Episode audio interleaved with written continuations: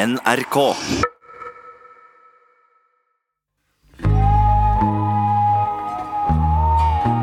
Hei, jeg heter Kari Hestemar, og du hører på podkastserien Usagt. Har du et øyeblikk i livet ditt som du alltid vender tilbake til? Det har jeg. Noe du skulle ha sagt, men som du aldri har våget å si? Det har jeg. Noe ugjort du skulle ha gjort før det er for seint? I denne serien skal du få møte folk som sier det de aldri før har sagt, og som hopper ut i det de er aller mest redde for.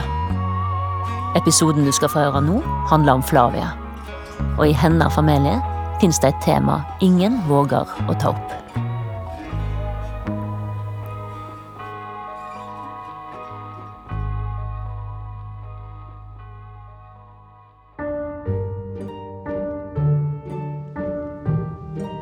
Skal ikke legge skjul på at jeg har, har syntes at det har vært stas at faren min var pilot, og han har fått eh, gratulasjonsbrev fra dronningen, og han har fløyet i RAF og Nato og um,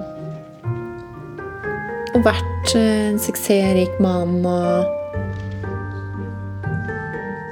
Han er den britiske offiseren som er velkledd, kommer inn i rommet med stor med rett i ryggen, stor dannelse. britisk humor. God imitator. Litt lang lugg som han eh, drar fingrene gjennom et par ganger. Jeg lurer på om det er sånn kjekkas-fakta han har fra tidligere. Selv eh, jenter på halve hans alder syns jo han er en fantastisk flott eh, mann. Og han er for meg en, en sånn officer and a gentleman-type. Det er hemmeligheter i alle familier. Ting vi ikke snakker om. Kanskje har du hatt et forhold på si, økonomiske problemer eller et liv før dette livet. For noen år siden satt Flavia, vår hovedperson, ved et festdekka middagsbord i England. Den store familien var samla til gjenforening med søsken og halvsøsken, tanter, fettere og kusiner. Far til Flavia underholdt som vanlig med historier fra tida da han var pilot i det britiske flyvåpenet. Borna har kallenavn fra 80-tallets store film Top Gun. Alle guttene i familien har jo da kallenavn fra Top Gun, selvfølgelig.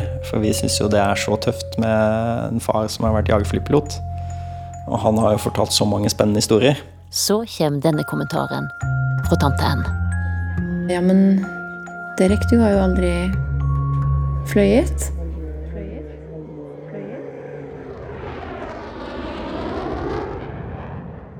Kommentaren blir hengende i lufta, mens Flavia og søsknene ser litt forvirra på hverandre. Og så var vi jo ganske mange der, så det, ble ikke sånn, det kom ikke helt tydelig fram hva hun sa, men eh, det kom i hvert fall veldig tydelig hva faren min sa, for han eh, ropte ganske stramt tilbake at eh, Du, da? Du har jo aldri lært deg å, å holde kjeft. Alle later som om alt er som før. Ingen spør faren hva som skjedde. Jeg har ikke spurt, og jeg er 100 sikker på at det har ikke mine søsken gjort heller.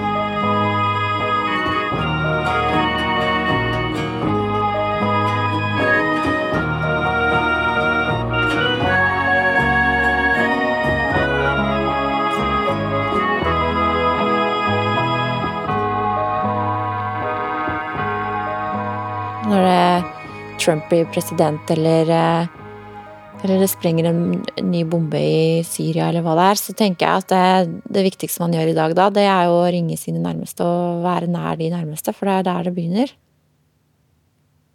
Hvis alle var litt bedre på det. Men det er det jeg syns er aller vanskeligst. Og så tenker jeg sånn, en av mine nærmeste relasjoner, min far, eller han, vet jeg liksom ingenting om. Og i hvert fall det, det som jeg har trodd at jeg har visst, det viser seg å være ljug. Så blir det litt sånn herre Hva er nære relasjoner? Hvordan funker de? Er det sånn at man må vite historien? Må man vite sannheter? Og det har alltid vært sånn ja, nei, nei, faren min bor i Tyskland, nei, men han er engelsk, og ja, nei, han var pilot. Ikke sant? Det er ganske, ganske tidlig ute med å si at han liksom var det.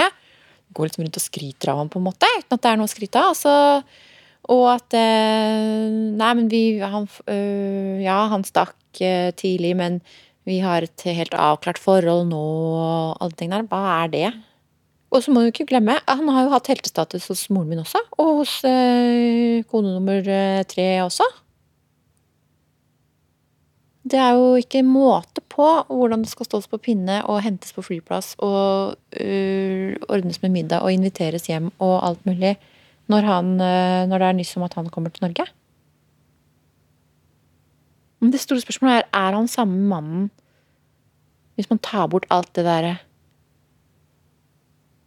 som han har løyet om? Så er det sånn Ja, han er kanskje det. Vi liker vi han akkurat like godt?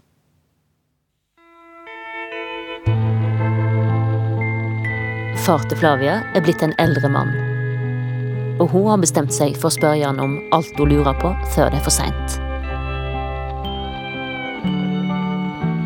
Jeg kjenner at jeg tisser litt i buksa bare av å tenke på det. Hva skal han si? Flavia og faren har kontakt på mail og Skype, og ses en gang eller to i året. Som oftest hjemme hos han og den nåværende kona. Vi hører på musikk. Hører på opera. Så sitter han og røyker som, en, som et damplokomotiv. Eh, med røyken sånn langt nede mellom eh, pekefingeren og langfingeren. Sånn. Gjerne fjerde glasset med rødvin. Og så hører vi på, gjerne på Wagner. Som jo er ganske tragisk, men veldig vakkert. Uh, og så har han uh, lagd noe middag, da. Lager han, uh, han har et par retter. Gjerne med sånn um,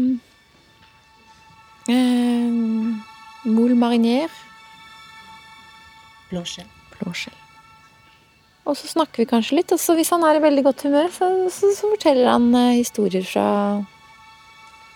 fra gamle dager. Og da mm, er vi litt avhengig av et slags publikum, da. Så da må det gjerne være en ny gjest. En ny eh, Eller flere av oss barna sammen. Og så, og så, og så bygger vi opp da for å få høre de samme historiene igjen.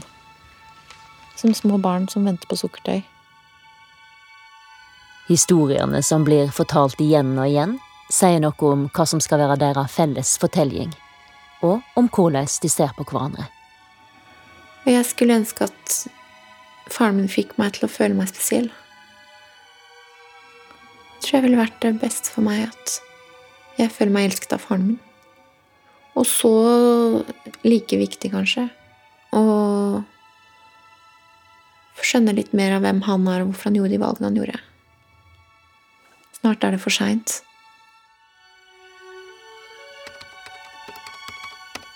Dearest Dad. Kjære pappa. Hvordan går det i München?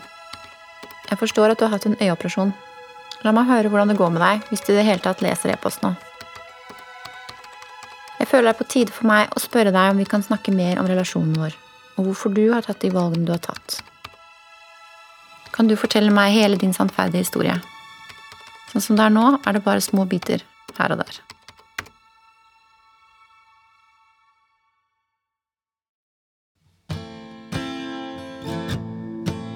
Far til Flavia forlot de rett før hun skulle bli født.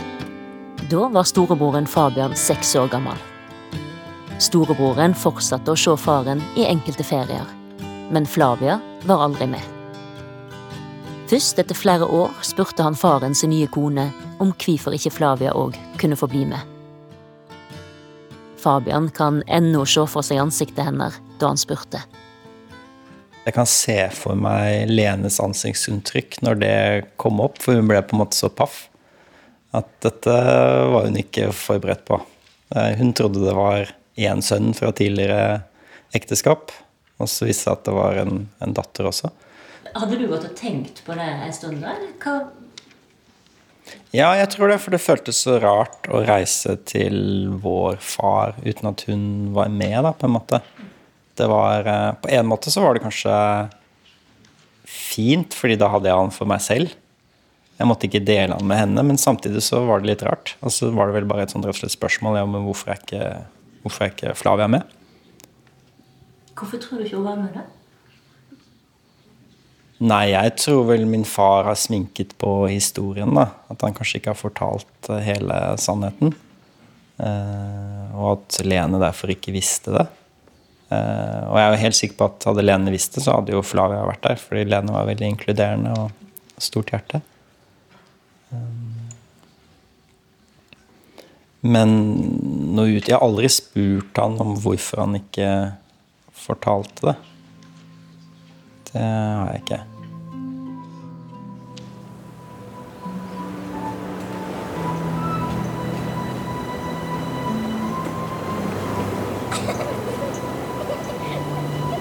Åtte år gammel flyr Flavia av gårde sammen med broren for å møte faren.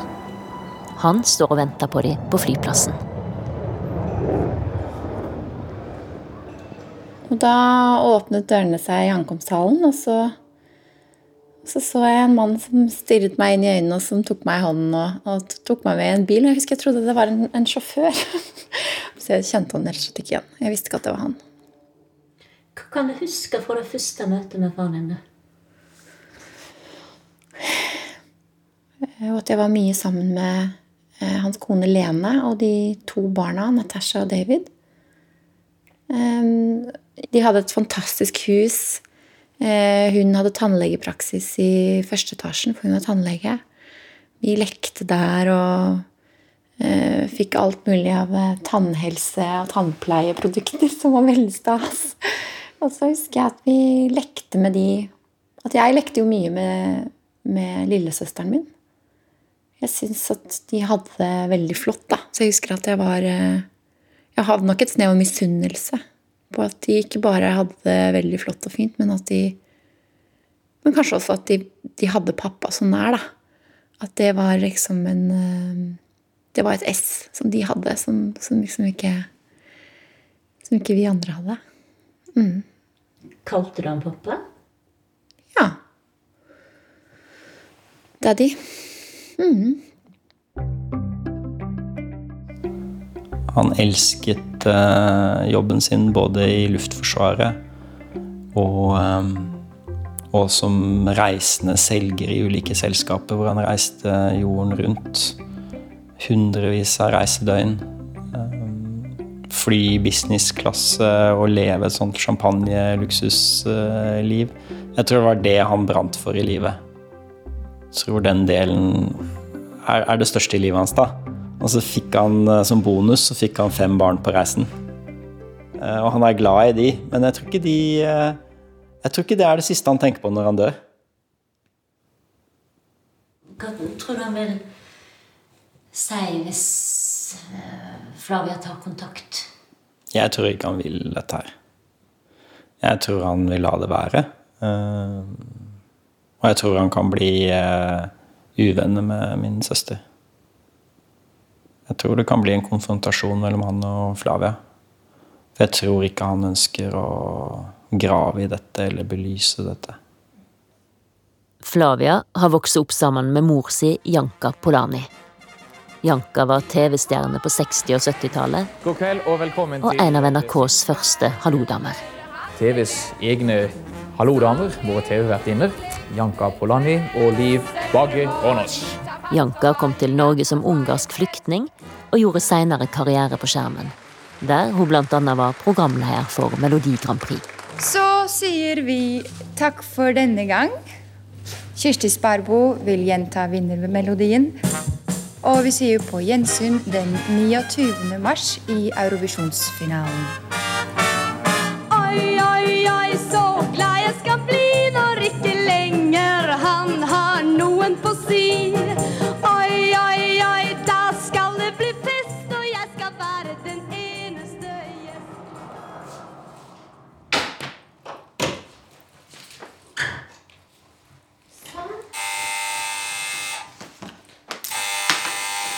Det er Janka som ringer på døra til Flavia. Flavia har bestemt seg for å spørre mora om de åra hun var sammen med faren. Utenfor står syrinene i blom, og en ambulanse kjører forbi. Mora er på vei opp trappa. Det er som ambulansen vet at her skal det skje noe.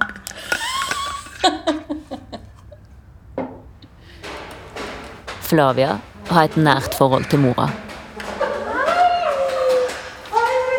Men noen tema lar de helst ligge. Jo, nå skal du høre, mor, at nå skal vi gjøre en øvelse, du og jeg, som heter å snakke sammen om ting som vi aldri snakker sammen om. Og det er ganske mye. Men For vi eh, er jo en familie som ikke snakker så mye. Ja. Vi gjør jo ikke det.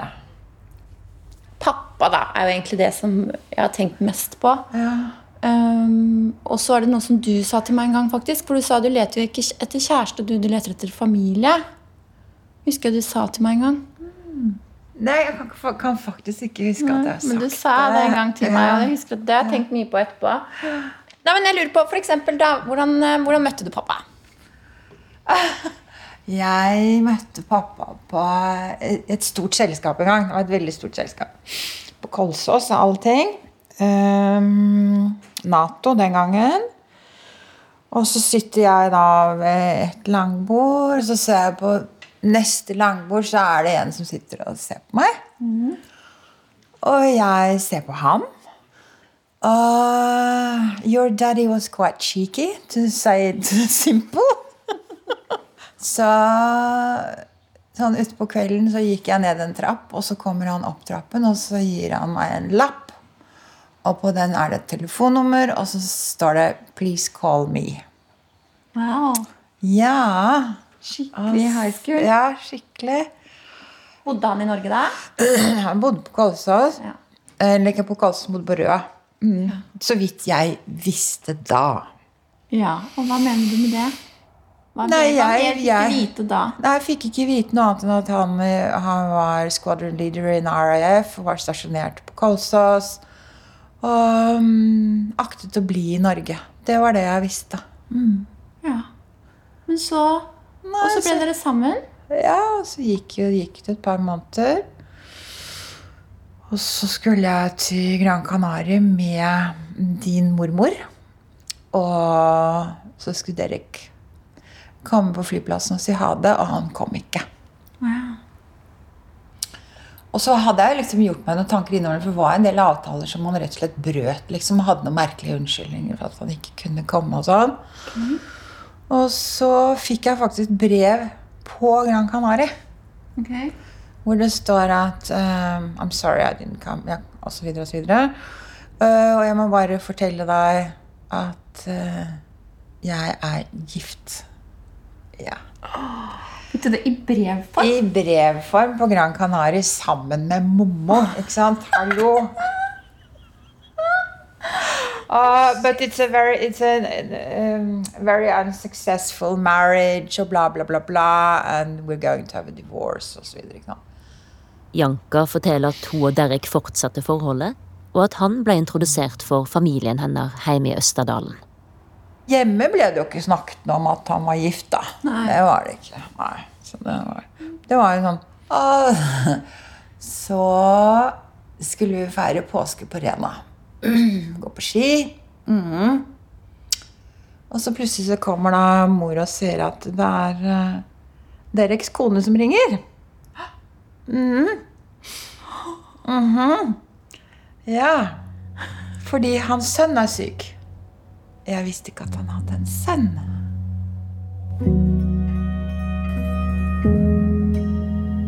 Det er første gangen Flavia hører historier om hvordan mora fikk vite at faren var gift, og at han hadde en tre år gammel sønn fra før.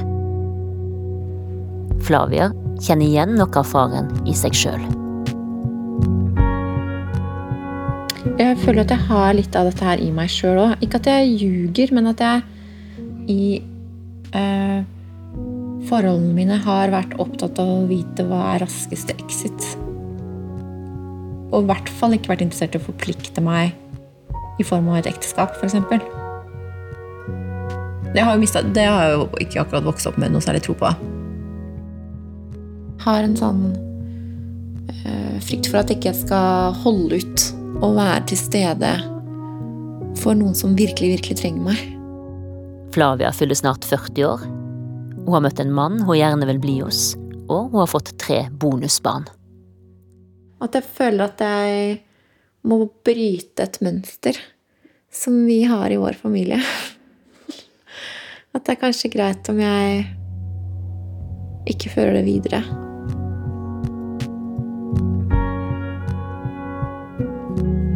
Min holdning til problemer er jo at eh, hvis vannet har lagt seg, på en måte, og man går videre, så er det ikke noe vits i å begynne å røre på vannet igjen og røre i vannet, for det blir bare grums. Det blir bare enda mer grums. Det er noe med at i en unormal situasjon så er jo det aller, aller viktigste er jo å beholde normaliteten. Det er Istedenfor å grave seg ned i problem- problemene og problematisere og synes synd på seg selv. Og hvorfor opplever jeg dette? Og ja.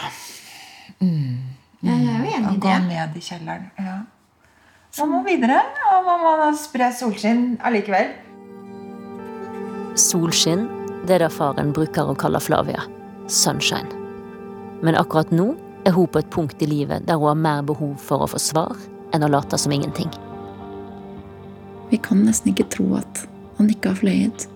Og så er det sånn Vil vi vite det? Flavia forteller mora om middagen i England, der kommentaren fra tante Anne falt. Og da sa, repliserte pappa ganske raskt And you never knew when to shut your mouth. Jeg vet ikke hva som lå i det, altså. Men jeg dro jo da inn på, inn på et rom senere og bare hva, hva var det som skjedde nå? Hva, hva sa du? Og da bare så hun på meg som et stort spørsmålstegn. Så sa hun No, he never flew. Ja, det, jeg vet ikke. Nei, jeg vet ikke jeg heller. Det mora vet, er at mannen var skvadronleder i RAF da de møttes, altså i Royal Air Force, og at han var utstasjonert i Oslo. I 1972 fikk de sitt første barn, Fabian. Han lekte mye med Fabian. Han, gjorde det. Ja da, han gjorde det. Det var jo fly, da, selvfølgelig. Fly og fly og fly. og fly. Så, men han var mye borte. Han reiste jo 200 dager i året omtrent.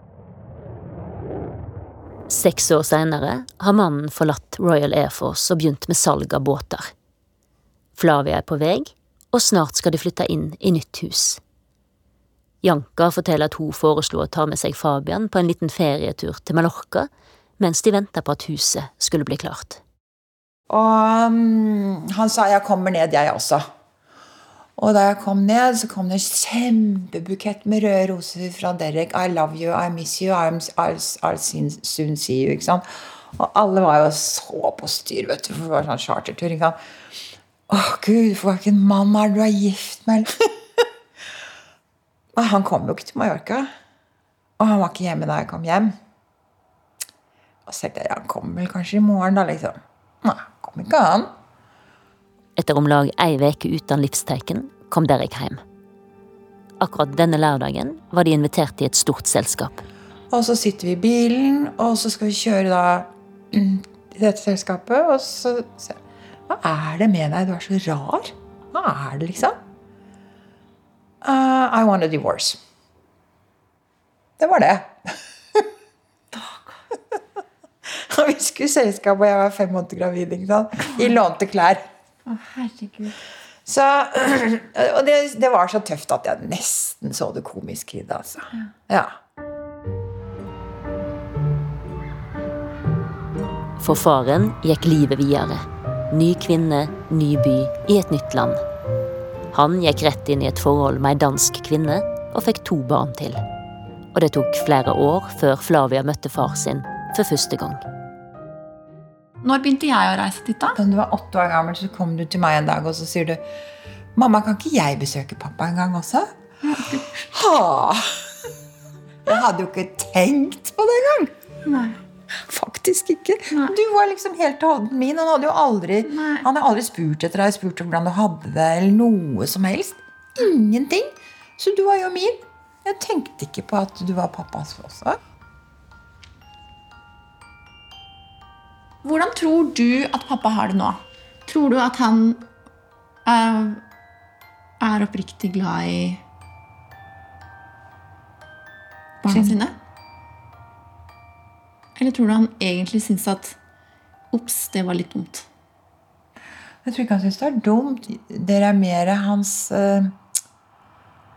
hva skal man si Ikke stolthet, egentlig, men mer sånn Han kan smykke seg med fem barn. Som han jo aldri har tatt ansvar for, noen av dem. Mm. Han smykker seg litt med dere. Ja. Og dere også er jo litt sånn Degger litt for pappa. Ja, det gjør dere jo. Ja, ja, ja, vi har snakket om det. Ja. Så, og jeg Har ikke du syntes at det var kjipt? jeg selvfølgelig syns jeg det er forferdelig urettferdig. At, og det er pappa, det er pappa, det er pappa. Liksom bare pappa hikker, vet du, så hopper dere opp og ned.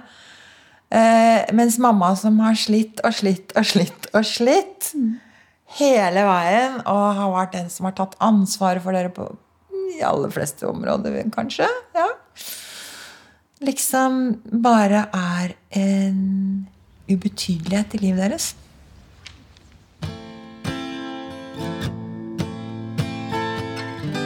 Han er veldig godt likt av alle oss barna. Altså i den forstand at uh, han har sine feil og mangler, absolutt. Men det dreier seg oftest da om disse hemmelighetsgreiene og, og usagte ting. Og det lar vi ligge. Jeg må jo si også at hans ekskoner, eh, to av dem i hvert fall, min mor og Lene, er jo fortsatt veldig opptatt av han. Jeg tror min mor har og for alltid vil forgude min far. Jeg vet ikke om Flavia fortalte at, han duk, at hun dukket opp i hans bryllup. En ganske festlig historie. Eh, Han skulle gifte seg med sin nåværende kone på Bali. Og så inviterte han eh, meg og Flavia ned. Og vi, eh, vi reiste ned. eh, Og da dukker vår mor opp. For dette hadde hun fanget opp. Og hun holdt en tale i det bryllupet eh, som man skulle tro det var hun som giftet seg med han på nytt. Og da var jeg så flau at jeg tror nesten jeg sank under bordet. Men da satt vi altså ved et rundt bord på en strand på Bali. Den kjemperomantiske omgivelsen. Og så står min mor og holder en timeslang tale om hvor flott pappa er. Det det var en spesiell opplevelse.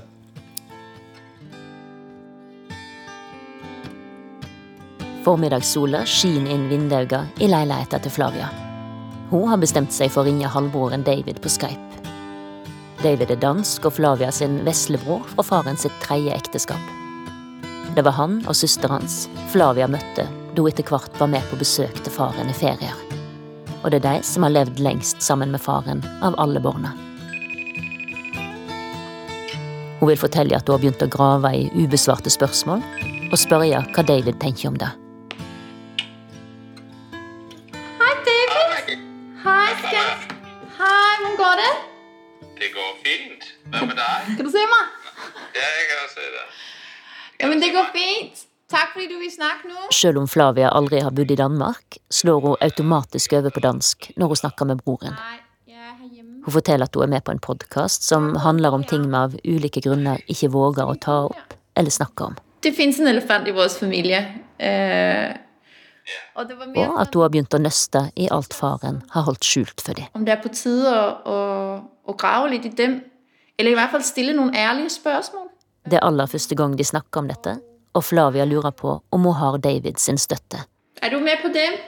Ja, selvfølgelig er det. Så må vi se hvor det bærer hen. Hvorfor tror du vi har beskyttet ham så meget? Det har vi jo alle sammen gjort, eller det gjør vi jo stadigvæk. Det gør vi stadigvæk. Øhm, jamen, jeg ved det ikke. Jeg ved det ikke. Jeg, men jeg ser det altid lidt ligesom den kæreste, man aldrig fik, men man elskede allermest. Og, og det samme var med far. Man så ham en gang om året, hvis man var heldig. Faren er som den kjæresten han aldri fikk, sier han. Den som var uoppnåelig, men som han elsket aller mest. Og man har måske altid gerne ville se ham i et bedre lys, end han har været, fordi man vil nok ikke ødelægge, man vil ikke ødelægge drømmen om sin egen far. Og det er her, i barnets ønske om at foreldre skal være fantastiske, at stemma til David begynner å skjelve. Hvordan vil du beskrive Daddy? Det en gentleman. Um, og så en spennende. Ja, det er rigtigt. Det slår meg at ønsket om å komme nær og bli sett av foreldra sine kanskje aldri går over. Sjøl om en er voksen, er en òg alltid barn. Savner du ham? Ja, det gjør jeg. Øhm, og det har jeg alltid gjort. Mm. også, jeg savner ham mer enn alle andre. Det tror jeg også du gør. Men, men jeg tror, det jeg savnede allermest, det var en far, der... Jeg tror, en far, altså en, der ville se mig spille fodbold. En, der vil gøre alle de der sportsting, som ingen andre i min familie gider. Jeg prøver. Ja, øh, men jeg har også mange ting, som jeg ikke helt kan tilgive ham for. Så det er, jeg føler ikke, han har, han har fortjent, at jeg savner ham. Han har ikke fortjent, at jeg skal grave ham. Men han er jo min far. Du er så fin. Nej. Men syns du, jeg synes det er så... Det er riktig trist selvfølgelig alt det her, men uh, jeg synes det er utrolig fint, at vi kan tale sammen om det. Selvom det er under litt sånn underlige omstendigheter, så, så, så har det i hvert fall hjulpet meg til å sætte ord på noen ting, som jeg kanskje ikke har gjort før.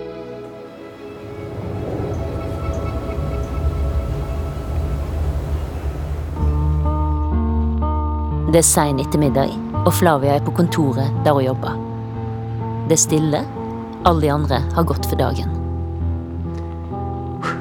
Det har gått ei lita veke siden hun sendte mail til faren med spørsmål om han vil fortelle si sannferdige historie til henne. I innboksen ligger et uåpna svar. Det som jeg har gått og engsta meg for, er jo at han skulle liksom synes at dette her var sånn eh, Et oppmerksomhetsbehov fordi, fordi det er eh, blitt tatt opp. Det aller, aller beste er hvis han uttrykker et slags behov for at han ønsker å gjøre det selv også. At han også har et ønske om å fortelle. Eh, Det vil være det aller beste. Det tror jeg ikke er så sannsynlig. eh, Med mindre han tenker på dette med sin egen alder, og at det kanskje nå er, er på tide. Og at vi da møtes og snakker sammen. Eller at vi skriver. Det er faktisk veldig hyggelig å skrive også, det må jeg faktisk si. Worst case er jo at han syns det her er et eh, rop om eh, oppmerksomhet, og, og at det er unødvendig å trekke andre folk inn i det. Eh, og at han egentlig ikke har noe mer å si, annet enn det som har skjedd, har skjedd, og la oss ikke dra noe mer i det. Hva gjør du da hvis det er utfallet? Tror jeg jeg må si at det er greit.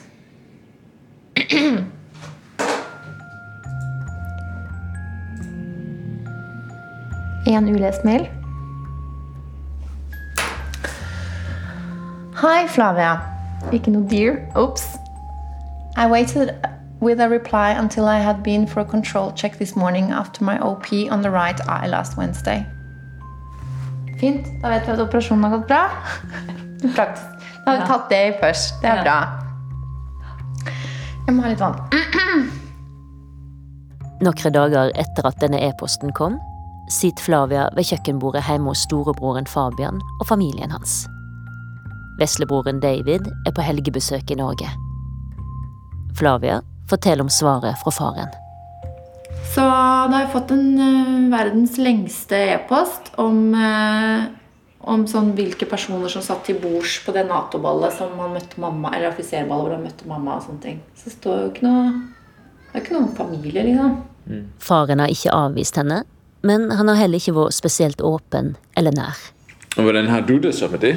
Nei, nå er jeg jo i sånn super sånn fear-situasjon. Nå, nå, nå har jeg sånn frykt at eh, nå, er jeg sånn her, nå kan vi ikke spørre om noen ting mer, og nå må alt bare liksom late som at det her aldri har skjedd. Og pff, liksom hysj, hysj, hysj. Og Hvorfor? jeg tror frykten er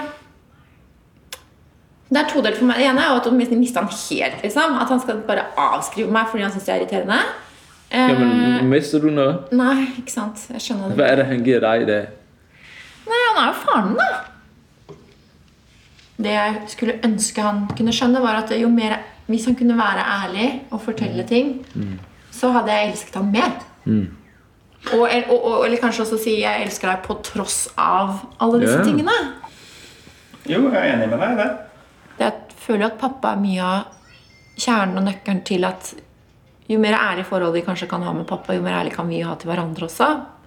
Syns du det er vanskelig å ta opp de vanskelige spørsmålene med oss andre? Dine Ja. andre søsken? Ja, det vil jeg. Altså, det er Synes jeg, Hvorfor tør du ikke å spørre de vanskelige spørsmålene til meg eller David? da? Jeg syns det er litt sånn kleint og rart. Og, Ja. ja. og også fordi at det, det blir jeg, er liksom, jeg kjenner at jeg blir liksom, kan nesten bli irritert på deg. For det er sånn jeg, jeg har ikke behov for det. Hvorfor må vi prate om det? Og det er sånn Det er litt sånn samme som pappa gjør det, egentlig. Ja, og det er eh, helt fine, det. Og, jeg, og da kan jeg også bli sånn flau og tenke å ja, det var dumt. Skal ikke spørre om det. Og det, det her er kjempeteit. Bare å sitte her nå og ha den praten her, sitter jeg og kjenner på at jeg er redd for at Fabian skal synes at jeg er kjempe, at enda mer teit enn jeg egentlig er etterpå. Men det jeg frykter mest, er jo at eh, pappa skal bare tenke akkurat det samme. Bare for en idiot av en datter. Nei, men Du kan åpne noen dører ikke sant? inn til noe som Som noen ikke ønsker å snakke om, eller noen ikke ønsker å avsløre. Det er det som er hele Eh, poenget. Hvorfor skal vi ikke prate om ting? Jo, jo, men jeg tror også det handler om hvordan vi som mennesker er. Vi er forskjellige mennesketyper, og noen Ja. snakker mer om følelser enn andre. Og alle familier har sånne ubesvarte spørsmål, ikke sant? Og så lurer man på hvorfor går man rundt grøten. Hvorfor, hvorfor spør vi ikke bare rett ut det vanskelige spørsmålet? Ja. Og så får vi det opp. Hvorfor tror du det, da? Hvorfor tror du man ikke gjør det? Og da Nei, jeg, bare tror, på jeg tror det handler om to ting. Jeg tror det handler om frykten for konsekvensene. Mm. Og så er det kanskje også litt respekt der. Ja. Om, at, Mm. om at av respekt til min far så vil jeg ikke at han skal bli forlegen eller skal bli satt i en vanskelig situasjon. Hvordan har han fortjent den respekten? Hvor kom det fra? Han har Det er fall ikke opptjent den selv. Nei, Men det ligger vel en naturlig respekt mellom barn og foreldre. I don't know. Men hva tenker du videre da, Flavia? Hva skal vi gjøre videre? Nei, men jeg tenkte jeg skulle spørre dere om. Ja, men Alle de gangene du har vært sammen med han face to face, da, det har ikke vært anledninger hvor du har kunnet snakke med han da? da. Det har kanskje vært lettere for han? Mm.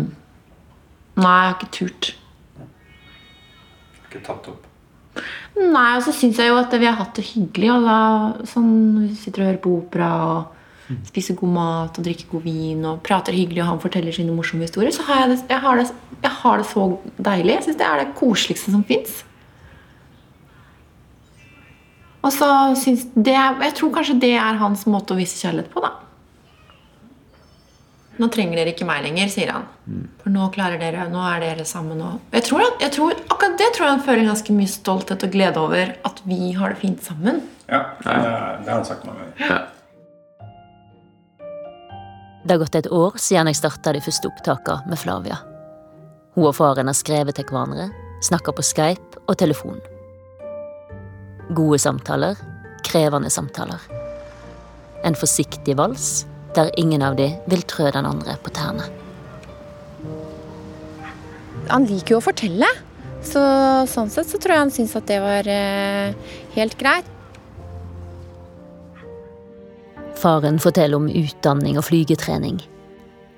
Han skriver at rangen hans var skvadronleder i RAF, omtrent det samme som en offiser i hæren. Det var på slutten av 50-tallet, hyppige besøk på RAF sin medlemsklubb i London, affærer med mange kvinner. Han forteller eventyrlige historier fra opphold i Midtøsten. Om hvordan han kasta hatten sin ut av cockpit 50 fot over rullebanen, kledd i kakifarga tropeuniform. Det at han beherska flytende tysk og fransk, hadde tatt han til ulike stillinger og land i flyvåpenets tjeneste.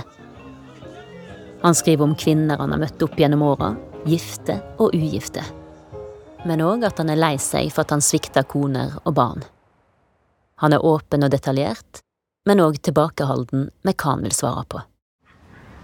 Han stoppet veldig tydelig der hvor han ikke ville fortelle mer.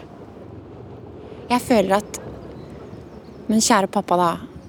Du, du går og bærer på noe. Det har forskjøvet seg nå fra å være en beskyldning, eller eh, at jeg tror at han farer med løgner, eller de tingene der, til å egentlig handle mer om Det her har du tenkt å ta med deg i grava. Og det er greit, det skal du få lov til, men jeg skal være den jeg alltid har vært overfor han. Jeg blir mye mer avslappet til hele forholdet til han. Så man står, og jeg føler kanskje at jeg står litt sterkere. At relasjonen min til mine søsken blir forsterka og viktigere nå.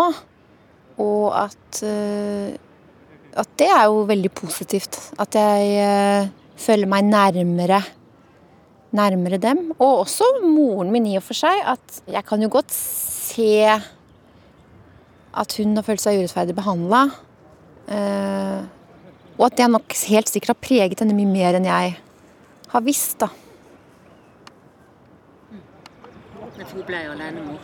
Ja, hun ble jo det, og, og det er jo ikke min skyld, for å si det sånn. Men eh, jo eldre man blir, jo mer verdsetter man jo det foreldrene har gjort for en. Da vi starta opptaka, var Flavia redd for at faren ikke likte henne. For å ikke være god nok for han. Den grunnleggende redselen vi har for å ikke være bra nok og bli avslørt og avvist hvis folk ser oss akkurat sånn som vi er. Pilot eller ei. Han er egentlig ikke den samme hvis du tar bort hele historien. Så, så sentralt har det vært. Men han er fortsatt faren min. Episoden ved middagsbordet i England var dråpen som fikk Flavia til å grave i alt det de aldri snakka om i familien, og som hun nå har fått spurt far sin om. Han har fått tilbud om å være med i podkasten og takka nei til opptak, men godkjent bruk av sitat. Han sier at han skriver på et manus, og at en dag skal de få hele historia. Han skriver jo på memoarer. Og jeg tenker at det skal jeg respektere, og så tenker jeg at jeg gleder meg til å lese de. Eh, du skal jaggu ikke se bort fra at ikke der også at han eh, smører på litt ekstra for kjentfolk, altså. Det er som om faren både har svikta de og fått de til å føle seg spesielle på samme tid. Hverdagen er ei side av livet. Det å smøre matpakker og ta plaster på kneet. Være der når det gjelder. Og så finnes det ei side i oss som lengter etter det eventyrlige. Som når mor Åse elsker Per Gynt for å fortelle skrøner til henne på dødsleiet. Har han jo bidratt til at litt mitt liv eh, på en måte ikke føles som et A4-liv.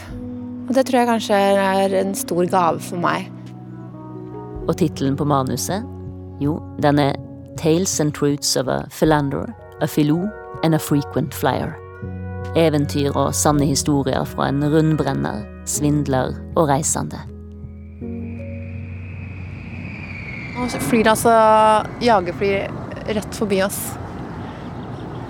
Det var jo svært så passende. Et sånt fly har nok ikke faren min fløyet. Der er de. Så du de?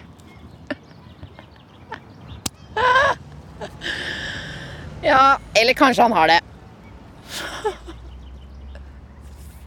Ett år etter at Flavia skrev det første brevet til faren, sender hun denne e-posten. Dearest dad. Kjære pappa. Jeg vil gjerne takke deg for alle fortellingene du har delt. Jeg har hele tiden tenkt at du var pilot, men historien virker mer kompleks enn som så. Men enten du fløy eller ikke, vil jeg si at jeg er så stolt av deg som far og den karrieren du har hatt, kombinert med dine eventyr både profesjonelt og privat. Til tross for at folk og relasjoner uten tvil har blitt satt på prøve innimellom, så elsker jeg så mange ting ved deg, og jeg håper at jeg har arvet noen av dine sider. Av den geografiske avstanden mellom oss, og at det ofte går lang tid mellom hver gang vi ses, er det øyeblikk i hverandres liv vi ikke har fått delt. Og jeg ville lyve hvis jeg ikke sa at jeg ble skikkelig lei meg da du ikke kunne komme i 40-årsdagen min. Jeg ville så gjerne at du skulle få ta del i min verden for en helg, og at du skulle være ved min side akkurat den dagen. Jeg ville ha introdusert deg for alle, fordi jeg er så barnslig, kanskje, stolt av deg som min pappa. Selv om jeg strever med å holde jevnlig kontakt og si akkurat dette til deg, nå vet du det. Jeg håper også at jeg kan komme og besøke deg i høst. Høre på Wagner, drikke litt vin, spise god mat og dele historier. Ha en deilig helg, pappa. Love you, dad.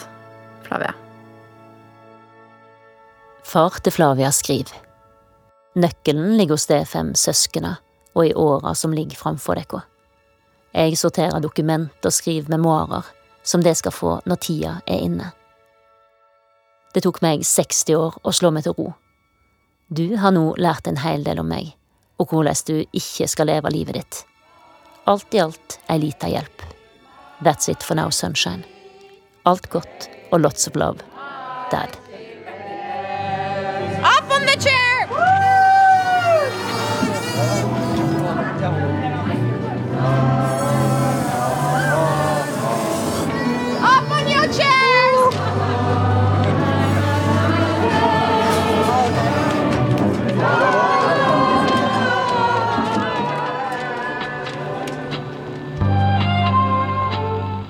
Har hørt Usagt. Denne episoden er laga av Kari Hestemar. Klipp og lyddesign var ved Nils Jakob Langvik. Produsent Hege Haug Omre. Og research Ellen Wisløff. Hvis du likte dette, sjekk ut Usagt for flere episoder.